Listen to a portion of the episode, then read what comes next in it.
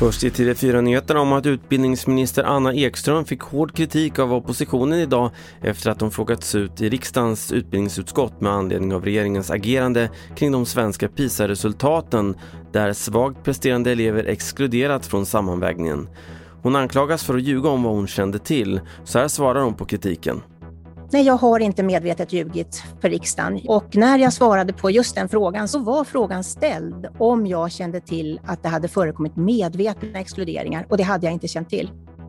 En tråkig milstolpe passerades idag när antalet bekräftade coronafall passerade en miljon.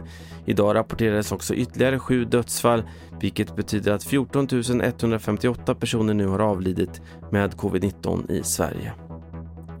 Sist om att Gröna Lund i Stockholm får nej till att bygga ut nöjesfältet på en intilliggande parkering trots att kommunfullmäktige röstat igenom detaljplanen för ett par veckor sedan. I beslutet från Mark och miljödomstolen skrivs bland annat att de kulturhistoriska värdena för riksintresset Nationalstadsparken skulle skadas om planen blev verklighet. Det var senaste nytt från TV4 Nyheterna. Jag heter Carl-Oskar Alsen.